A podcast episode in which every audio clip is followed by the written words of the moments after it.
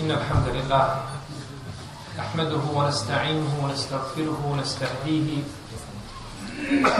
ونعوذ به من شرور أنفسنا ومن سيئات أعمالنا من يهده الله تعالى فهو المهتد ومن يضلل فأولئك هم الخاسرون وأشهد أن لا إله إلا الله وحده لا شريك له وأشهد أن محمدا عبده ونبيه ورسوله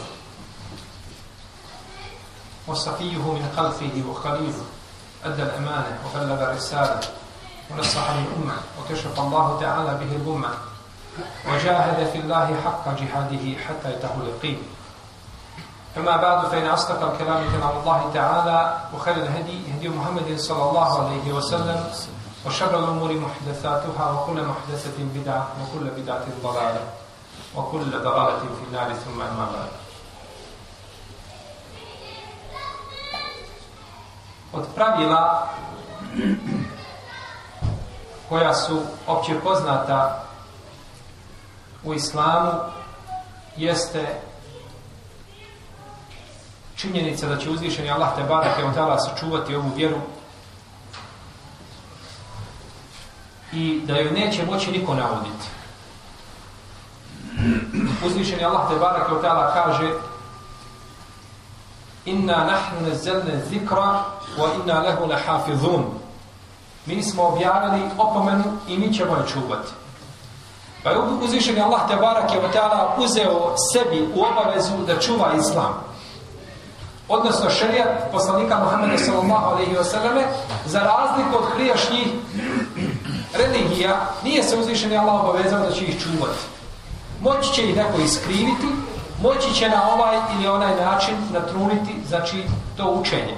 Dok je sa islamom potpuno, znači, druga situacija. Pa, koliko god nastojali ljudi da iskrive islam ili da ga predstave u ružnom svjetlu, neće to uspjeti. Jer uzvišen je Allah uvijek daje da njegova riječ ispleva da bude gornja i da istina iziđe na video.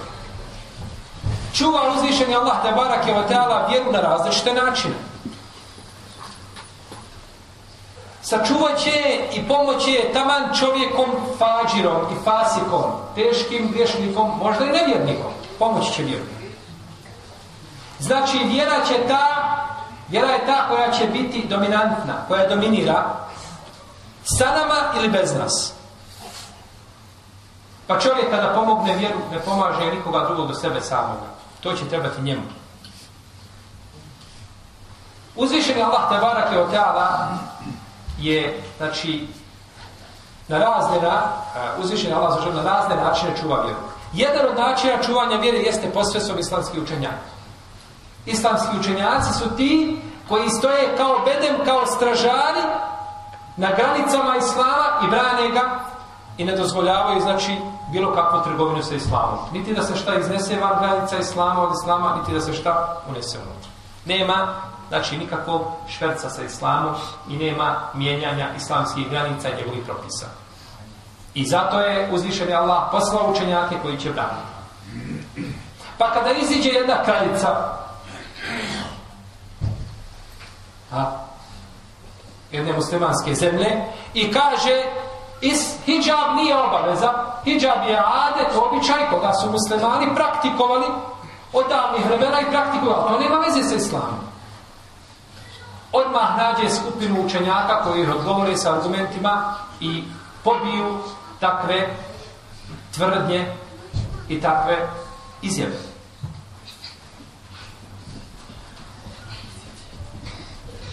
Pa imate ljude kojima je najbolje da šute. Kada šute, tada su najbolji, kada ne pričaju. Ali ima jedna skupina koja je gora od njih. Znate koja? Ona koja je najbolja kad spava. Najbolji su kad spavaju. To je najgora skupina. I danas je problem što islamu može govoriti svako kako želi i kako hoće i pričati u ime islama i mirno spava, neće biti kažnjen. Da si kazao nešto u ime države određene i predstavio nekoga koga nisi smio predstavljati, bio bi žestoko kažnjen.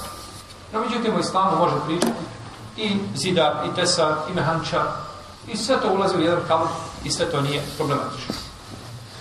I mirno, znači, ljudi spavaju i ne očekuju nikako.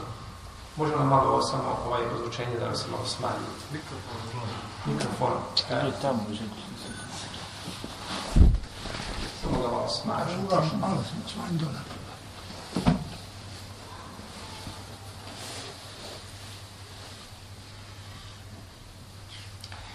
Kažemo da o islamu danas priča onaj ko smije pričati, onaj ko ne smije pričati. I nažalost, više se slušaju oni koji ne smiju pričati o islamu, nego oni koji smiju. Pa stoga uzvišen je Allah šalje svoju vojsku u lemu islamsku da brani islam. Teško je pričati o ulemi i nezahvalno na jednom predavanju i govoriti o islamskim učenjacima. Jer je to more koje nema dna. Kada zaroniš u njega i što god dublje roniš, ono sve dublje. Nikad dna nema. Takvi su, takvo je znanje naših učenjaka i takvo je islamsko pravo i takav je fik islamski i takav je akaid i takva je islamska nauka. Kad je islam takav, pa moraju sve nauke biti koje se vežu za islam, moraju biti takve, moraju biti, ne mogu biti drugačije. No međutim, volio bih da se večeras zajednički družimo sa jednim od islamskih učenjaka. Jer kako kaže naš veliki imam Ebu Hanife, rahimahullahu ta'ala, sijeru ehlil ilm ehabbu ideje min kathirin min al fiqh. Kaže, pričati o biografiji islamskih učenjaka draže mi je nego da pričam o mnogim fikskim pitanjima mesela. Jer govor o islamskim učenjacima i njihovoj biografiji učvršćuje čovjeka, daje mu snage i volje i žara da istaje na pravom putu.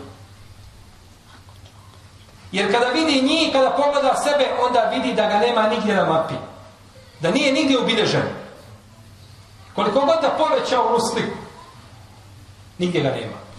Vidi sebe malim, malim, kada vidiš ko su bili ti velikani i šta su uložili za vjeru. Možda danas čovjek uradi jednu sitnicu od hajra i još samo ne kaže mrtvim jezikom. Allahu dragi, hoće li moći biti za mene nagrada u dženetu za ovo što sam Ovo što sam ja uradio, ovaj, treba u dženetu posebna nagrada za mene za ovo.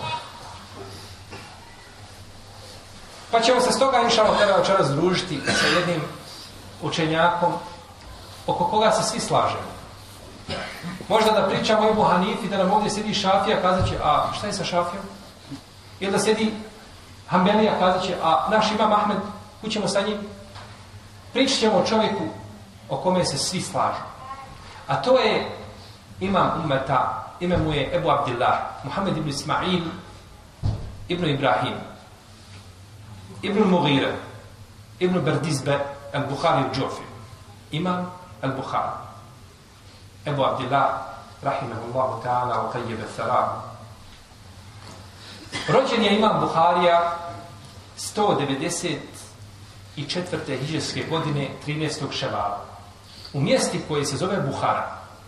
Buhara, to je današnji sovjetski savez, odnosno bolje kazati, to je današnji uz Pakistan. Rođen je, znači, u zemlji koja je bi, znači, prilično daleko od islamskog svijeta. O njegovom ocu Ismailu Ibnu Ibrahimu ne znamo puno. Osim što ima Buharija spominje o svome babi, da je sreo Hamada ibn Zejda i da je sreo Abdullah ibn Mubareka i da je rukovao se sa Abdullah ibn Mubarekom sa oba dvije ruke po ga. Kako mi kada selamimo se iz srca sa oba dvije ruke, to nije sunnet, ali kada je srca i srca iz dvije ruke, kaže, tako se je poselamio sa njim sa dvije ruke. S kim? Sa Abdullah ibn Mubarekom. Jer Abdullah ibn Mubarek umro 181. hiđarske godine. A je on Buhari rođen 194. 13 godina je znači između njih. Otac i mama Buhari je bio trgovac. Bio je bogat čovjek. Bio je trgovac. Nije poznato da je bio učen nešto posebno. Ali poslušajte šta je rekao Ahmed ibn Hafs. Kaže Ahmed ibn Hafs, ušao sam kod Ismaila ibn Ibrahima, kod oca i mama Buhari. A on na smrtnoj posteli. U redu. Pa kaže otac mama Buharije, ostavio sam hiljadu hiljada dirhema. To jeste milion dirhema. Ako dara pa nije bilo u to vrijeme, skoro su počeli koristiti milion ovaj jeli, termin. Ne, govorilo se hiljadu hiljada, misli se na milion. Kaže, ostavio sam milion dirhema. Ne znam, kaže, da ima dirhem da je haram, niti da ima dirhem da je u njemu šubha, sumnja. Sve čisto. Trgovac bio. Ostavio milion dirhema, ne zna da ima dirhem da je u njemu Šuba. Dobro. Pogledajte oca imama Buharije. Nije bio učer šarijatski posebno, ali se družio sa ulemom. Stoga pitamo brata muslimana, imaš firmu i u firmi imaš blagajnika, sekretara, nije bitno. Imaš računovođu, imaš tamo i advokata, si sebe negdje približio, ako te negdje pritisnu da znaš kako ćeš se izvući, u redu. Pitam te, imaš li šarijatskog savjetnika? Sekretar hoće platu, blagajnik hoće platu, radnik svako hoće svoje. A šarijetski savjetnik neće ništa. Košta te šarijetski savjetnik? pola eura to što ćeš nazvati. Čuo sam sada imate mreže da je besplatno pričanje. I, imaš li šarijetskog savjetnika kao što imaš ljude koje plaćaš? Ili ti je to negdje na margini, da li će to odgovarati Allahom zakonu ili neće? A možeš doći do toj fetve kod advokata savjetovanje skupljo pa dok dođeš od tučiš kao štoparca, tako? I svaku minutu, i to skupo je platiš. Kod šarijetskog savjetnika ništa. Samo kaže šta je, on ti kaže Allah dozvoljava i da vrati. Pogledajte oca imama Buharije, kako se okoristio družiti sa ulemom. O njegovoj majici i Buharije ne znamo puno. Skoro ništa. Osim to što se spominje u istoriji, kako nam prenosi Ahmed ibn Fadl al-Belhi. Kaže Ahmed ibn Fadl al-Belhi. Oslijepio je imam Buharija kada je bio mali. Pogledajte. Allahove mudrost. Kaže, oslijepio imam Buharija kada je bio mali. Pa je njegova majka vidjela u snu Ibrahima a.s. Halilullah, Ibrahima a.s. Pa je rekao, ja hadihi, inna Allahe kad redde ala ibneki basarehu li kethrati duaiki au li kethrati bukaiki. Kaže ženska glavo, Allah je vratio tvome sinu vid zbog tvoga plaća, silnog plaća ili zbog tvojih dova koje si činila. Jedno od to dvoje sumnja ovaj Ahmed ibn Fadl Belhi koji nam prenosi priču šta je kazao Ravija. Jer je plać ili su dove? I kada je ustalo utri imam Buharija vidi. Vratio mu uzvišen Allah te var pripremio ga za misiju. Iskušao ga kao dijete a iskušao kao dijete vidjet ćete zašto. Zašto bi iskušao kao da nego zašto bi iskušao kao dijete?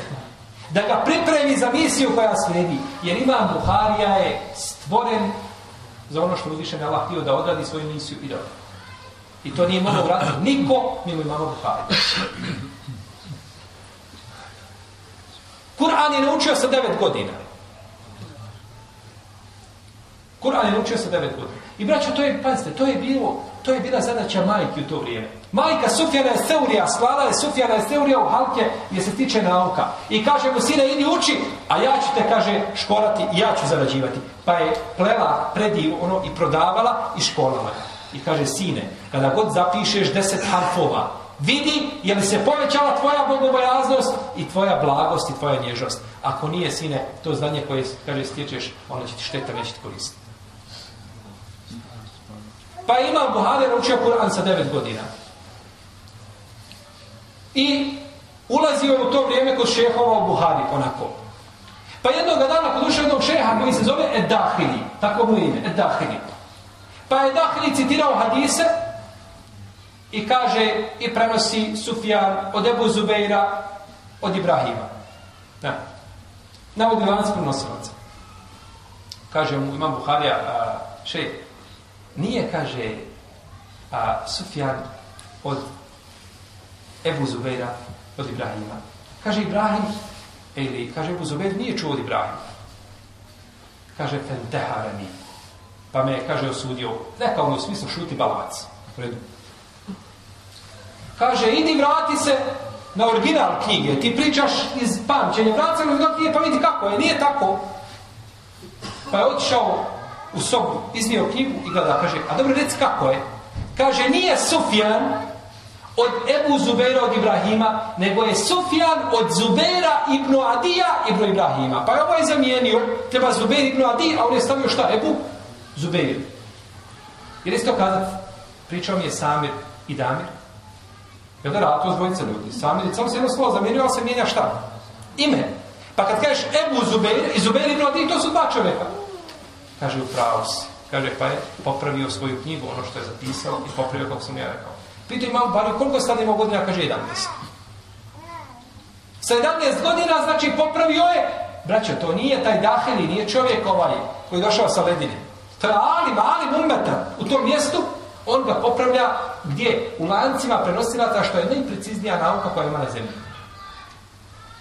I sve ove nauke, kada bi sakupili danas i astronomija i, i, i medicina i sve nije precizno ko hadijska nauka. I jedne prilike kaže Sulejm ibn Mujahid došao sam kod Muhameda ibn Selama ili Bikendija jednog učenjaka gdje? U Buhari. Kaže Sulejm pa sam ušao kod Muhameda kaže da si došao malo prije kaže sada bi ti pokazao dječaka koji pamti 70.000 hadisa. Kaže pa sam izvišao da ga tražim pa sam ga sreo Pitam ga, ti znaš 70.000? Jer kaže i više od toga. kaže, neću ti spomenuti nijedan hadis, a da ti ne spomenem ashaba koji prenosi hadis. I odmah ću ti spomenuti o tome ashabu cijelu njegovu biografiju. I kaže, koji god hadis da ti spomenem, doći ti sa drugim hadisom koji podupire njegovo značenje ili sa ajetom. Znači, imam Buhara imao otprilike nauku nauku islama ispred očiju onako, jeli, okružen i tad imao 12 godina. Znači, spomeneš mi od 70.000 hadis, hadisa, spomenem ti hadis, odmah ti dođem sa drugim hadisima koji govore o toj temi i pomenim ti hadise i uskladim njihova značenja, samo kazi što želiš. Kaže ovaj Muhammed ibn Salam il-Bikendi, A on je šeh imama Buhari. Kaže ovako. Ma dehala alejje hada sabi. Ila ulbi se alejje emru hadisi u gajru. Kaže, nikada nije kod mene ušao moj halk, ovaj dječak, a ima 12 godina, nije nikada, kaže, ušao moj halk, kaže, a da se nisam zbunio i zaboravio i hadis i sve drugo. kaže, ulbi se aleje emrul hadis. Ne, jednostavno zbu blokira, blokira mozak. I kaže, oma ezalo haifen, malem jahruč. I kaže, ostanem u tom strahu dok ne iziđe napolje. Kad iziđe, ja mogu opet početi pričati. Ima 12 godina. Prvi put imam Buharija izišao da stječe nauku 210. hiđarske godine. Sa svojom majkom i bratom Ahmedom otišli su u Meku. Braćo moja, imam Buharija, živi u Buhari. Znači, on je udaljen od glavnog grada, Taškenta, otprilike 500 km od jedna Buhara. Danas se tako zove Buhara. Buhara je dana od Mekke nego mi. A, da ne bi rekao, pomisla, Buhara je tu negdje blizu. Dalje nego mi. Pa je otišao pješce u Meku. I ostao u Meku da uči nauku, a majke i brat se vratili sa hađa. Jel u redu? I kaže, bio sam, hodao sam svukuda stječući, stječući nauku. Bio sam u Meku i u Medini, bio sam u Basri. A kada što se tiče Kufe, Neisagura, Merove, Belha, Bagdada, tu sam, kaže, ušao i ja ne znam koliko puta. Ne znam koliko sam puta ušao. Braćo, sve je to, znači, kroz pustinju, duga putovanja, da imate te karte, ne biste povjerili, vi biste mislili da je ovo neko sjedio, nije imao drugog posla, nego pričao bajke o našim učenjacima. Samo da kažemo da su bajke. Da nije imam Zehebi ove predaje zabilježio. I, i uh, Hatiba Bagdad i Tarih u Bagdad. I druga ulema, ja bih kazao sto bajke. Toliko puta ulaziti, izlaziti negdje učeći nauku i gdje god kreneš, okreneš se pustinja, hiljade od dvije hiljade kilometara kroz pustinju gdje Pa kada je došao jedne prilike u Meru, kažu, od koliko šehova slušao Hadise? Kaže, preko hiljadu. Imao je preko hiljadu svojih učitelja. Imao je tačno 1080 učitelja. A u svome sahihu prenosio 289. Učitelja Buharini u sahihu ima 289. A one druge nije spominjao hadise u sahihu. Pa, kažu mu, da nam spomenu od svakog šeha po hadisu. Od svakog šeha. Kaže, pa sam spominjao hadise, kažu koliko spominjao, kaže hiljadu hadisa, od svakog šeha po hadisu. I to je bilo poznato kod Uleme da su tako pisali knjige. Imam Tabarani je napisao svoj mali mođem tako. Od svakog šeha uzeo po hadis, spomenuo i poredao šehove po abecednom redu. Od elif do ja. I tako kad, kad tražiš hadis, moraš znati šeha od imama Tabarani, još nikada naći hadis, da voćete glavu. Svoj srednji mođem je napisao na isti način, samo što je od svakog šeha spomenuo po više hadisa. Dok je veliki je mođem napisao na potpuno drugi način, pa je poredao hadise s tabinima koji prenose do sahaba. Pa kada tražiš u velikom mođemu, moraš znati ko je tabin da bi našao hadis. Znači, imam Buharija je tada a, a, puno je putovao, pa zbog toga imao puno svojih šehova. Pa su ga braćo njegovi učitelji hvalili. Nije čudo da učitelj pohvali učenika da učitelj pohvali, da, da, da, da učenik pohvali učitelja, da kažemo i učitelj pametan. Ali da učitelj pohvali učenika, to je nešto šta? Veliko. Kaže Ishak ibn Rahavoj, svi ste čuli za Ishaka. Kaže ima Mahmed Ishak. Ishak ibn Rahavoj.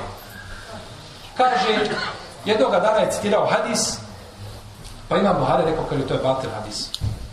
To je hadis neispravan. Pa je rekao svojim prisutnim u halki, a on je njegov šeh, ima Buharija učenik. Kaže mu, slušajte ovoga momka, dičaka, i pišite, kaže od njega hadise, tako mi je Allaha da je živio u vremenu Hasan al-Basri, a Hasan al-Basri bi tebo od njegove znanje. Hasan al-Basri bi pitao imama Buhari o hadisu. I sjedio je Ali ibn Medini, sjedi i pored njega s desne strane Buharija. I kad god citira hadis, on presmi moj Buhari, klimne glavom, da mu imam Buharija šta? Da potvrdi. Iz poštovanja, a on dječak. A on se okre, aj, a braćo, Ibn Medini je kao imam Ahmed, on je njegov suvremeni, to, sta, to je starija generacija, to su šehovi imama Buharije. Došli su jednog dana, došao Buharija kod učenika Amra ibn Alija al-Fellasa, tako se zove, Alim bio, umrta. Došao kod njegovi učenika, pa znate kako u to vrijeme učenici voljeli ispitivati da vide kakav je ših, kakav mu je puls, koliko zna, jel? Pa su ga upitali jednom hadisu, kaže, ne znam. I oni svi sretni kod, kod Amra ibn Ali al-Falasa, kod svoga glavnog učitelja. Kažu, evo sad smo sredili sa Muhammedom, mi smo ibn Ismailom, imamom Buharijom, i kaže, ne zna hadisa. Kaže im, taj šet njihov, kaže, hadis koji ne zna Buharijom nije hadis. pa je sreća kratko potreba. Znači, oni su došli da sada kažu, šej, znaš ti taj hadis po mene? Pa kaže, onako ga ne zna, koga zna. To nije hadis. Kaže Rađa ibn al-Merđi al-Hafid, kaže, Buharija je Allahov ajet koji hoda po zemlji. Allahov dokaz protiv čovječanstva koji hoda po zemlji. Allah ga učini da hoda na dvije noge. A kaže Al-Husein ibn Hureyz, Ma ra'aytu misla Muhammed ibn Ismail ka ennehu lam yukhraq illa lil hadith. Kaže nisam nikada nikoga vidio ko Muhammeda ibn Ismaila, jer mama Buhari. Kaže kao da ga Allah sudio samo za hadis. I kaže Kutebe ibn Sa'id. Kaže ovako. Vidite što kaže Kutebe ibn Sa'id. Kaže Imam Buharija je, kaže, u svoje vrijeme kao što bio Omer među ashabima. A u drugoj predaji kaže ovako. Da je Imam Buharija bio u vrijeme ashaba bio bi, kaže, čudo. Da je živio Buharija sa ashabima bio bi čudo. A šta mislite da kakav je, kak, kakva su onda to čudesa mimo ashaba, u redu? Čudo znači za ne povjerovati. Od znanja koje je. Kaže Hašid ibn Ismail, išli smo sa imamom Buharijom ko šehova Basri i pisali hadise. I mi svi pišemo hadise, imam Buharija, dječak, dječak, sjedi i sluša. Mi pišemo, on sjedi i sluša. Pa jedan dan, pa na njega pa piši, pa drugi dan piši, pa šestnesti dan piši, piši, kaže, vidim, kaže, da činite pritisak veliki na mene, kaže, daj, radite, kaže, sveske, šta se zapisao? Kaže, pa smo izvedili svoje sveske, kaže, pratite. Pa je, kaže, citirao 15.000 hadisa. Od prvog harfa do zadnjeg nije dodao harfa, ni odzeo harfa. Kaže, pa smo počeli popravljati po svesku kao gdje smo griješili dok smo pisali. Jel. A on kaže, ravija, feđalna nuhkimu, nuhkimu kutubena min hifzihi. Pa smo počeli popravljati ono što smo pisali u sveskama iz njegovog hifsa. Pa je ponekad kaže hadis, čuo sam ga u Basri, a zapišem ga u Kufi. Čujem ga na krajnjem jugu, zapišem ga na krajnjem istoku, nakon mjeseci i mjeseci. Znači, Allah stvorio za misiju, vraću. Kaže, imam Buharija, imam hiljadu šejhova, a od svakog imam zapisano deset hiljada hadisa. Znate koliko je to skupo? To vam je deset miliona hadisa. 10 miliona, nemojte misliti da ima 10 miliona hadisa u šarijetu, nema toliko. A to je sa ponavljanjem hadisa i ponavljanjem lancima prenosilaca, pa jedan hadis je možda došao sa pet puteva. To je kod hadijskih slušnjaka pet različitih verzija. To, nije, to je za nas jedan hadis, kod je to nešto drugo. Oni važu drugačije. Pa sto kod je različit hadis. Pa je to, i kaže, nisam jedan hadis zapisao i lanac da ga nisam zapamtio. Jedne je prilike došao u u Kufu, pa su se dogovorili da ga ispitaju, da ispitaju imama Buhariju kakav je uhifs. Pa su se, pa su uzeli deset ljudi da svako citira po deset hadisa. I sve su ispreturali. Lance prenosilaca uzmu ovaj tekst hadisa, nabace ga na drugi lanac. I sve ispreturaju. Jedan citira, kaže citira, jesi čuo za hadis, taj, taj, toga, toga, toga, taj, taj hadis? Kaže, nikad čuo. Taj, taj, toga, to nikad čuo. Des stotinu, nikad hadis nije čuo. Sjede oni fakihi sada tu, ne znaju oni da je to njemu ispit.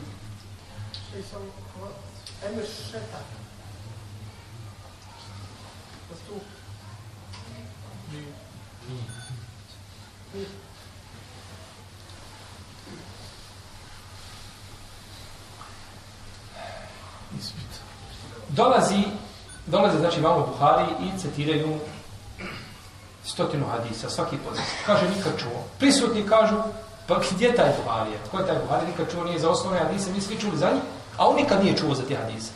Ali oni su čuli za tekstove hadisa, a to Buhari ne, ne uklapa se tu u njegovom mozaiku koji on ima. Ima Buhari ima nešto drugo.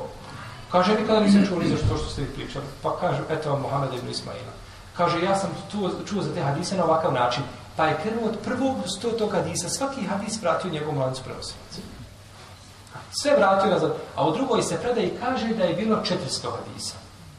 Imaju različite verzije, znači da je vratio svaki hadis, znači na njegov lanac prenosilaca koji mu pripada. Što ukazuje, znači, na hifs, na jak hifs, znači pamćenje koje imam Buharija posljedno. Kaže, jednog dana sjedio sam, kaže, i prisjećao se ljudi koji prenose od Enesa ibn Malika. Enes ibn Malik, govorili smo danas da je sin Umu Sulejn, jel u redu? I sin Čiji?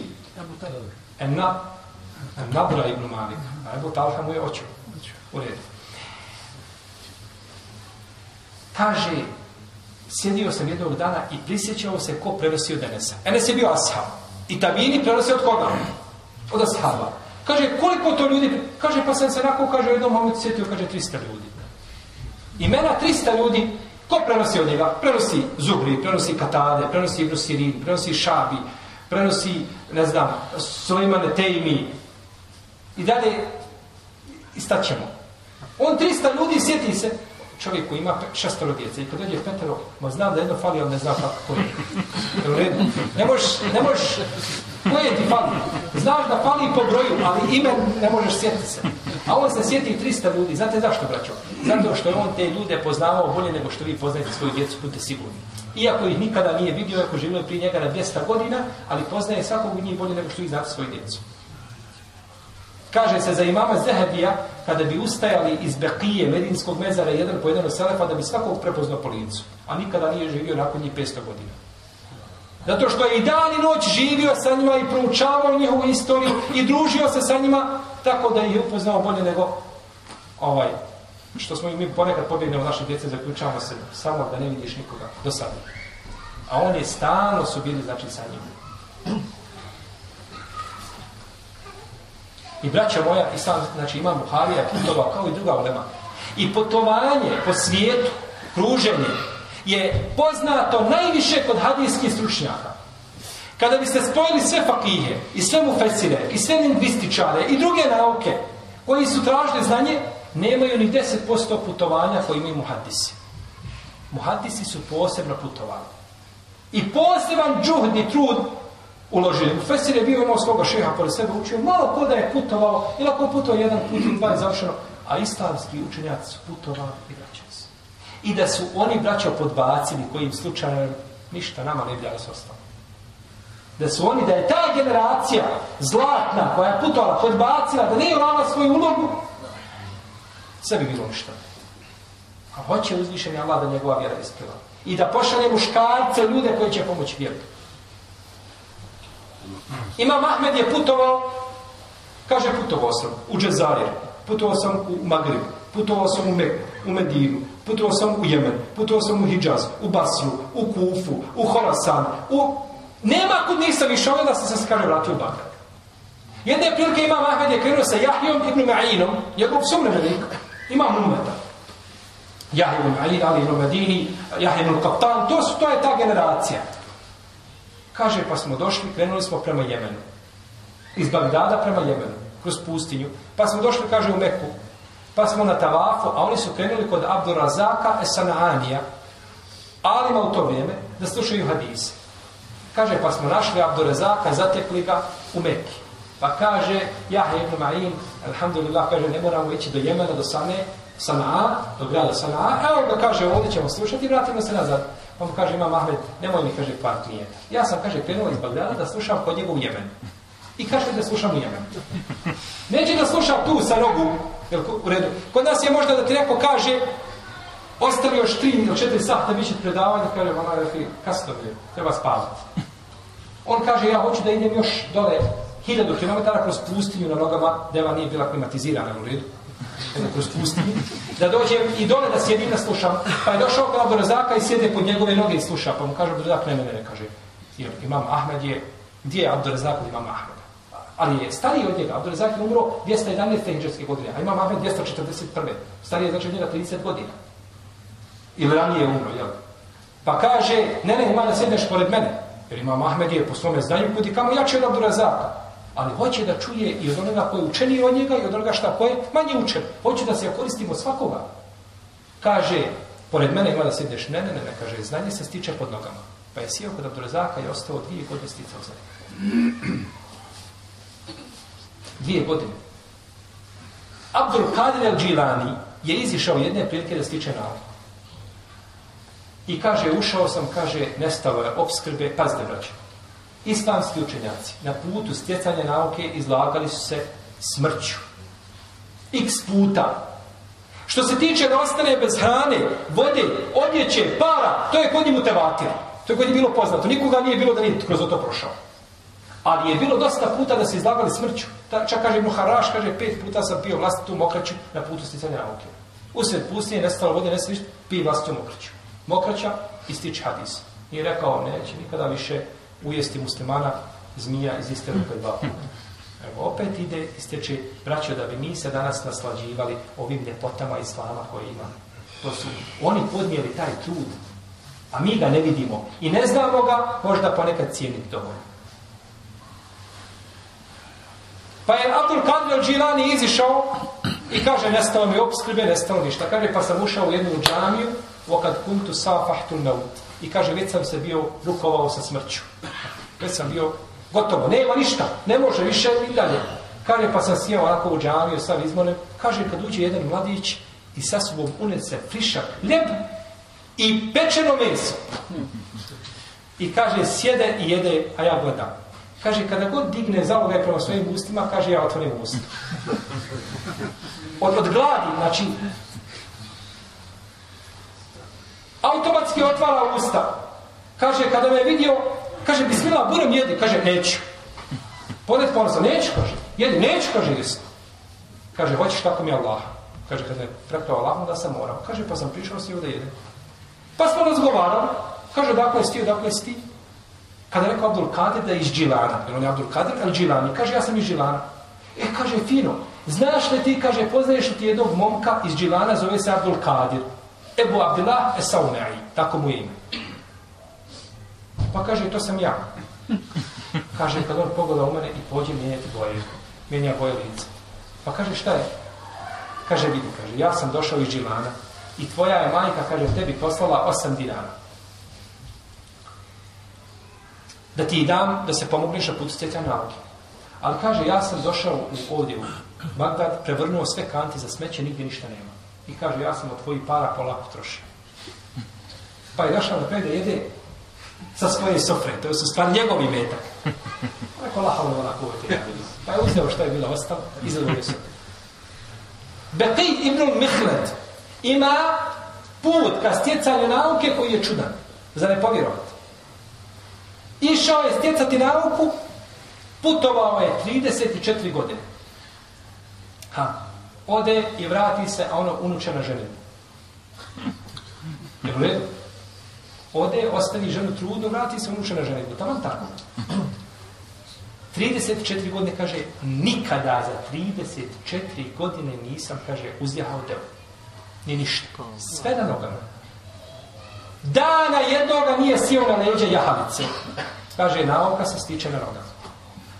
I kad je došao kod imama Ahmeda u Bagdadu, nakon putovanja iz Španije, možete misliti Španija, pa pređete na donji dio, pa kroz pustinju idete vamo preko Maroka, preko Libije, preko Egipta, dok pređete vamo u Saudijsku Arabiju, pa dok se gore nezamislivo avionom, da vam neko kaže to je azab da se ide, avionom. Došao u, Bagdad, zabranjeno imamo Ahmedu da priča hadise. Ne smije pričati. Zabranjeno da priča zbog fitne stvaranja Kur'ana, zato šta se dešavalo. Pa kaže, ja putovo, ne smijem pričati. Pa je dolazio svaki dan kod imama Ahmeda i kuca mu na vrata. I imam Ahmed otvori vrata i daje mu nešto kao prosjaku i kaže mu jedan hadis lancem prenosilaca iz diktirano brzine i okrenje se unutra. I ovaj ode. Jer oči paze ko se kreće, jel? Pa bi mu tako kao prosjaku svaki dan dao po hadisu.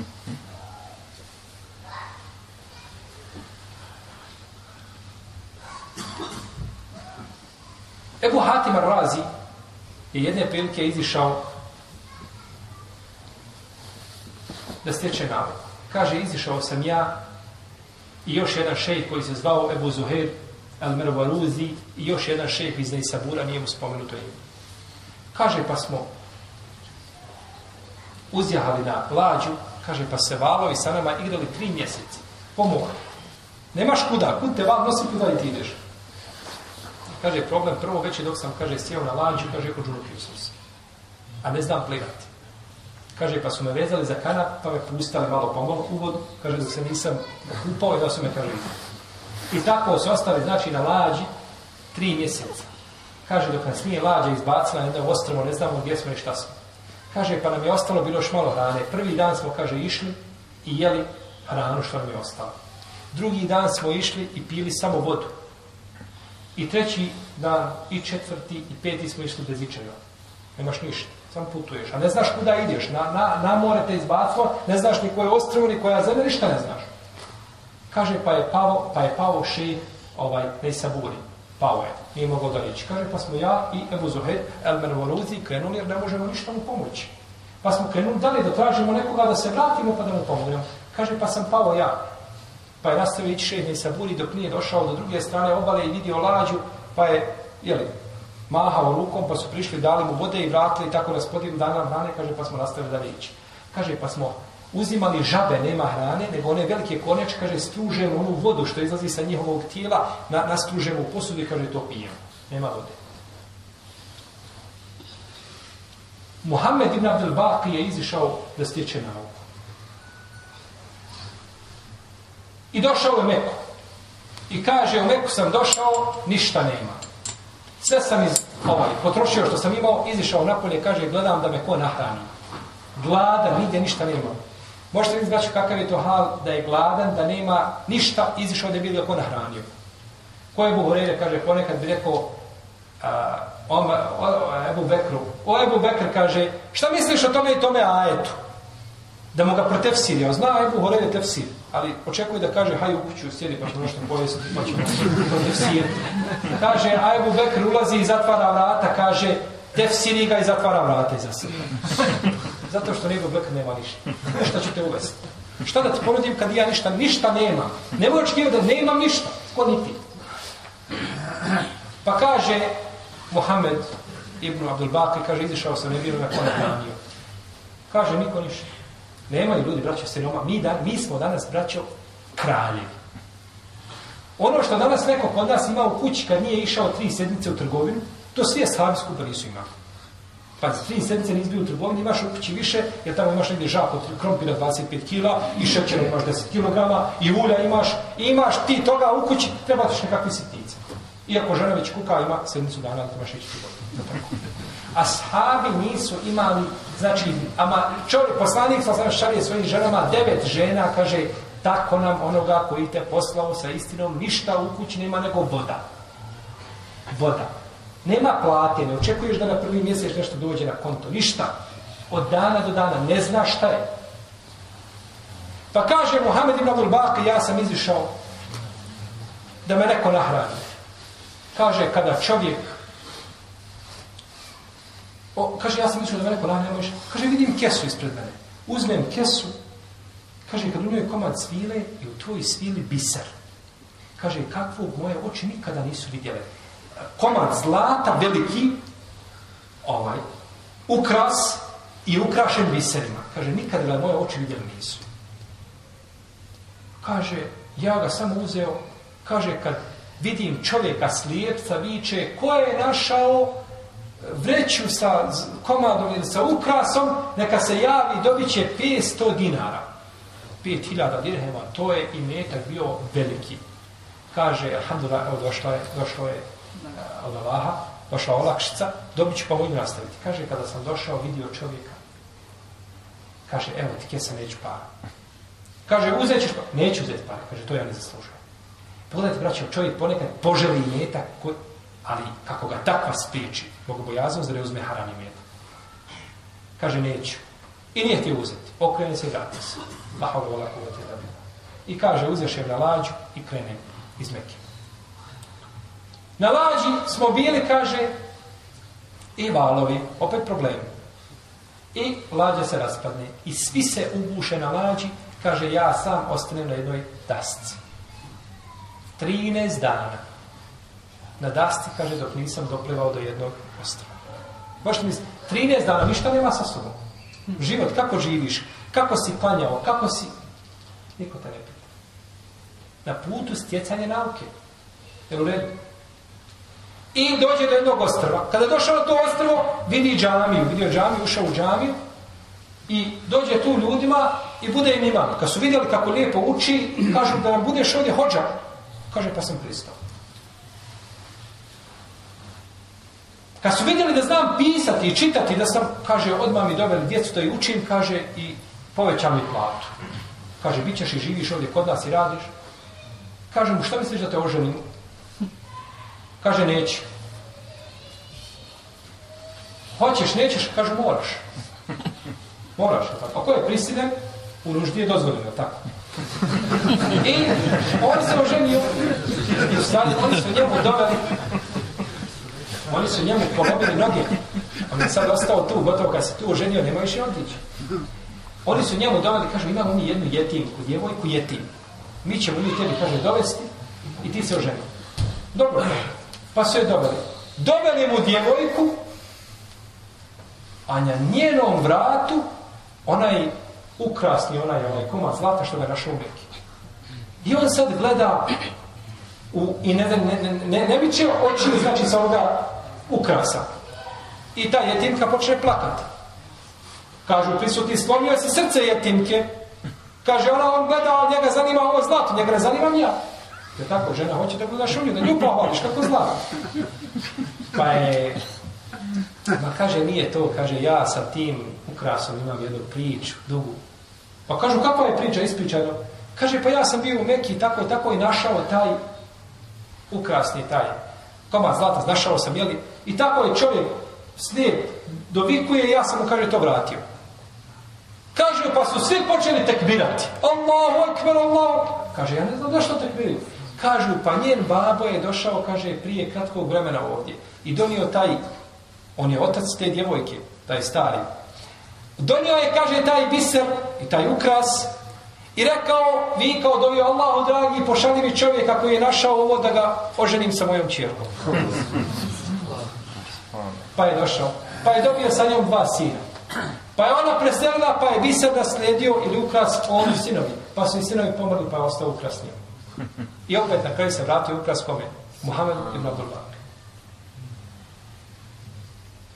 I braća moja, islamski učenjaci na putu stjecanja nauke imaju, imaju, ovaj, a, imaju priče i događaje kakve čovjek ne može vjerovati. Koliko su, znači, žrtvovali koga stopili.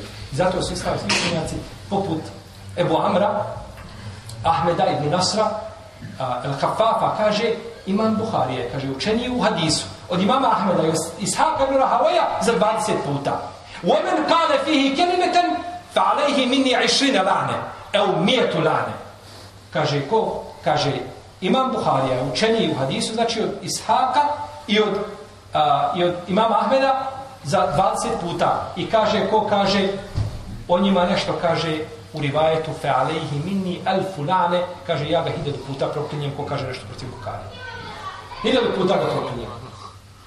Istino je rekao Ebu Amr rahimahullahu ta'ala. Kaže Abdullah ibn Hamad el Amiri kuntu awaddu an akuna sha'ratan fi sadri Muhammed ibn Ismail kaže ja sam poželio da budem jedna dlaka na prsima Buhari To je čovjek alim, znači, to nije kao obični musliman, nego alim kaže, ja bi poželio da budem dlaka na prsima imama Buhari. kaže, Al-Fireburi, Al-Fireburi, vidio sam imama, kaže, vidio sam poslanika sa osam u snu. Vidio sam poslanika sa osam u snu. Pa mi je rekao, kuda ideš? Kaže, idem kod Muhammeda ibn Ismaila, idem kod Buharija. Kaže, posle nami A kaže, en Nejm ibn Fudajl, vidio sam poslanika sa osame kako izlazi iz Buhare. Izlazi iz Buhare i kaže, kako god digne jedno stopalo, Muhammed Ismail za njim. Gdje god stavi, ovaj stavi. Gdje god digne, ovaj digne i kaže, prati u stopu. Kako ga ne bi pratio braću u stopu kad je imam Buharija napisao svoje dijelo Etarihul Kebir, velika istorija, napisao ga pored kabura poslanika u mjesečevim noćima. Mjesec sija i on piše istoriju veliku svoju, nije to istorija od šautora, to su opet hadisi, lanci prenosilaca i o ravijama i ono o svemu ima. Pisao to na pamet sve, danas u devet tomova, devet tomova štampana, sve napisao to iz svoga pamćenja pored kabura poslanika sa osama. Kada je napisao tu knjigu, uzeo je Ishak ibn Raha ovu knjigu i odnije je Abdullahu ibn Tahiru, emiru u to vrijeme, kaže, hajde ti pokažem čaroliju od knjige. Hajde ti kaže čaroliju.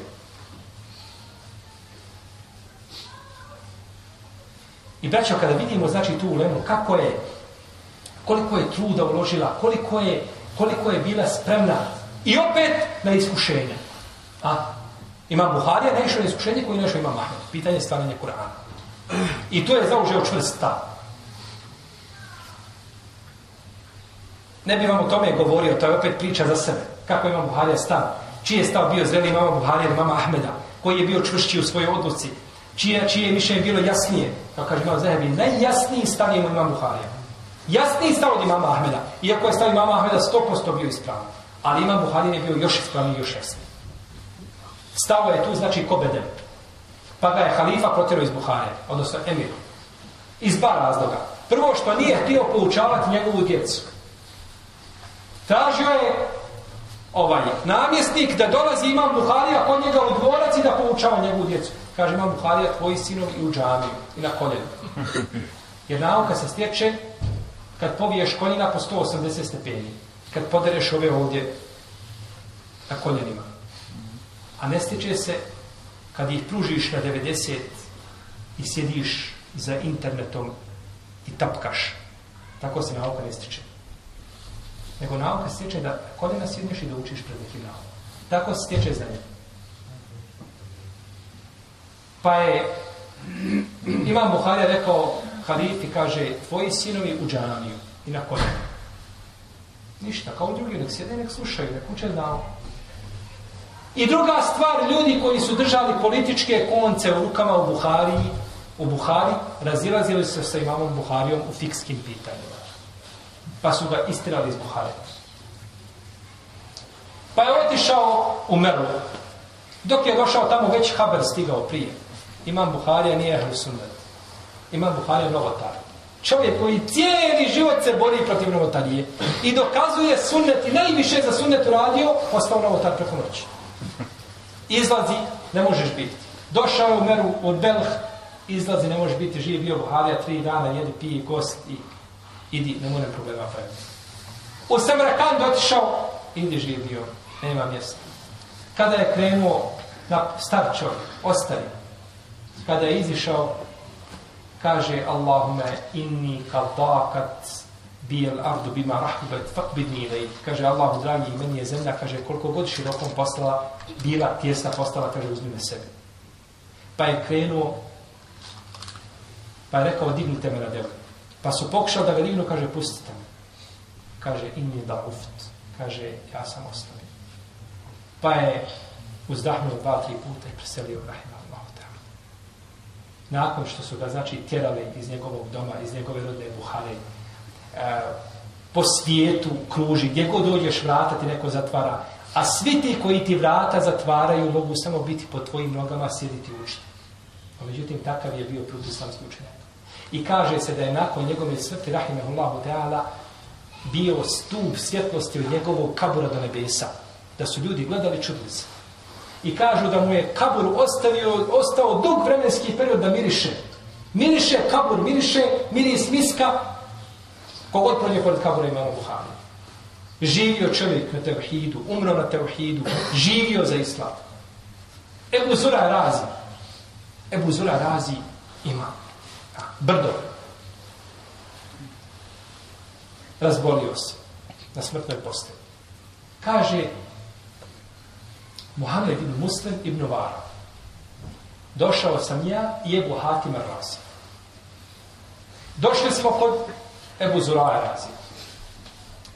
Kaže Muhammed ibn Muslim ibn Vara, kaže Ebu Hatimu, hajmo ga, kaže, postac na telkin. Hajmo mu telkin da izgovori šehadet.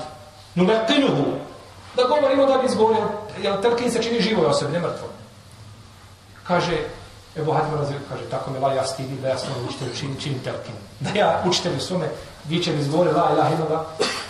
Kažu, hajmo, kaže, nešto drugo uraditi. Hajmo, kaže, sjesti pored njega i spominjat ćemo lance prenosilaca koji govore o hadisu koji izgovori la ilaha illallah u čuđenu. Kažu, pa smo došli, sjeli, pa je počeo prvo muslim, Muhammed ibn Muslim Nuvala, kaže, kaže, hadethani Ebu Asim in Nabil, hadethani Abdul Hamid ibn Džafar, fartuđe alihi fe islam. Pa se izbunio i zaboravio. Ne može dalje. Pa kaže Ebu Hatim al-Razi, kaže, hadestani Ebu Asim il-Nabil, hadestani Abdul Hamid ibn Džafar. ko? Ne zna. Ne može. Pa kaže Ebu, Ebu Zura Razi, kaže, podignite me.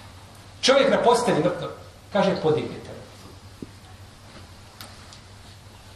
Pa će sada pričati hadis ko? Umirući. Ali nije citirao braćo hadis ležeći. Nego kaže podignite. Iz poštovanja prema kome? Prema poslaniku i prema hadisu. Da to nije od sunneta da ljudi dođu na predavanje i da uhvate jednu stranu zida i drugu stranu zida. Nego je sunnet da sjednu ispred predavača i da slušaju predavanje. I o tome je govorio Imam Neovi i žestoko osudio ljude koji dođu u džamiju ili u halku znanja i nastavlja se na zid. Kaže to umrtvio čovjek u srce. Pa kaže Ebu Zura Razi, ispravite me. Ha, ispravite me da sjednem. Pa su ga ispravili. Pa je rekao, Haddesani Muhammed ibn Bešar. Ime mu je im nadimak Bundar. Haddesana Ebu Asim in Nabil. Haddesana Abdul, Abdul Hamid ibn Jafar. حدثنا صالح ابن وري حدثنا كثير ابن مرة حدثنا معاذ ابن جبل da je poslanik sallallahu alejhi ve rekao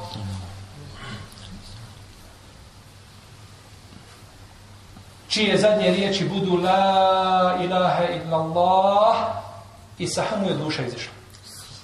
Kaže, pa smo mi svi skup kazali, ući će u džanet. On je izgovorio šta? Zadnje riječi kaže, ući će u džennet, dakhala al dženne men kene ahire kelamihi, la ilaha illallah, i saha je duša izišla, i mi smo, kaže, dovršili ostatak hadisa, kazali, dakhala al dženne, ući će u džennet. Na zadnjem, znači, na smrtnoj posteli on se sjeća hadisa, on se sjeća, znači, o a, a, lanaca, prenosilaca, a ljudi koji su došli, znači, ne telke, oni su se zbunili. I tako je, braćo, čovjek koji živi sa Allahom azeođelu i koji živi sa njegovim vjerom i sa njegovim propisima, ovaj, sačuvat će ga uzvišeni Allah, onda kad bude rekao, on ima Allah, te barek kada nas uvijek na pravi put, na sučnosti na istinu. Allah, te barek.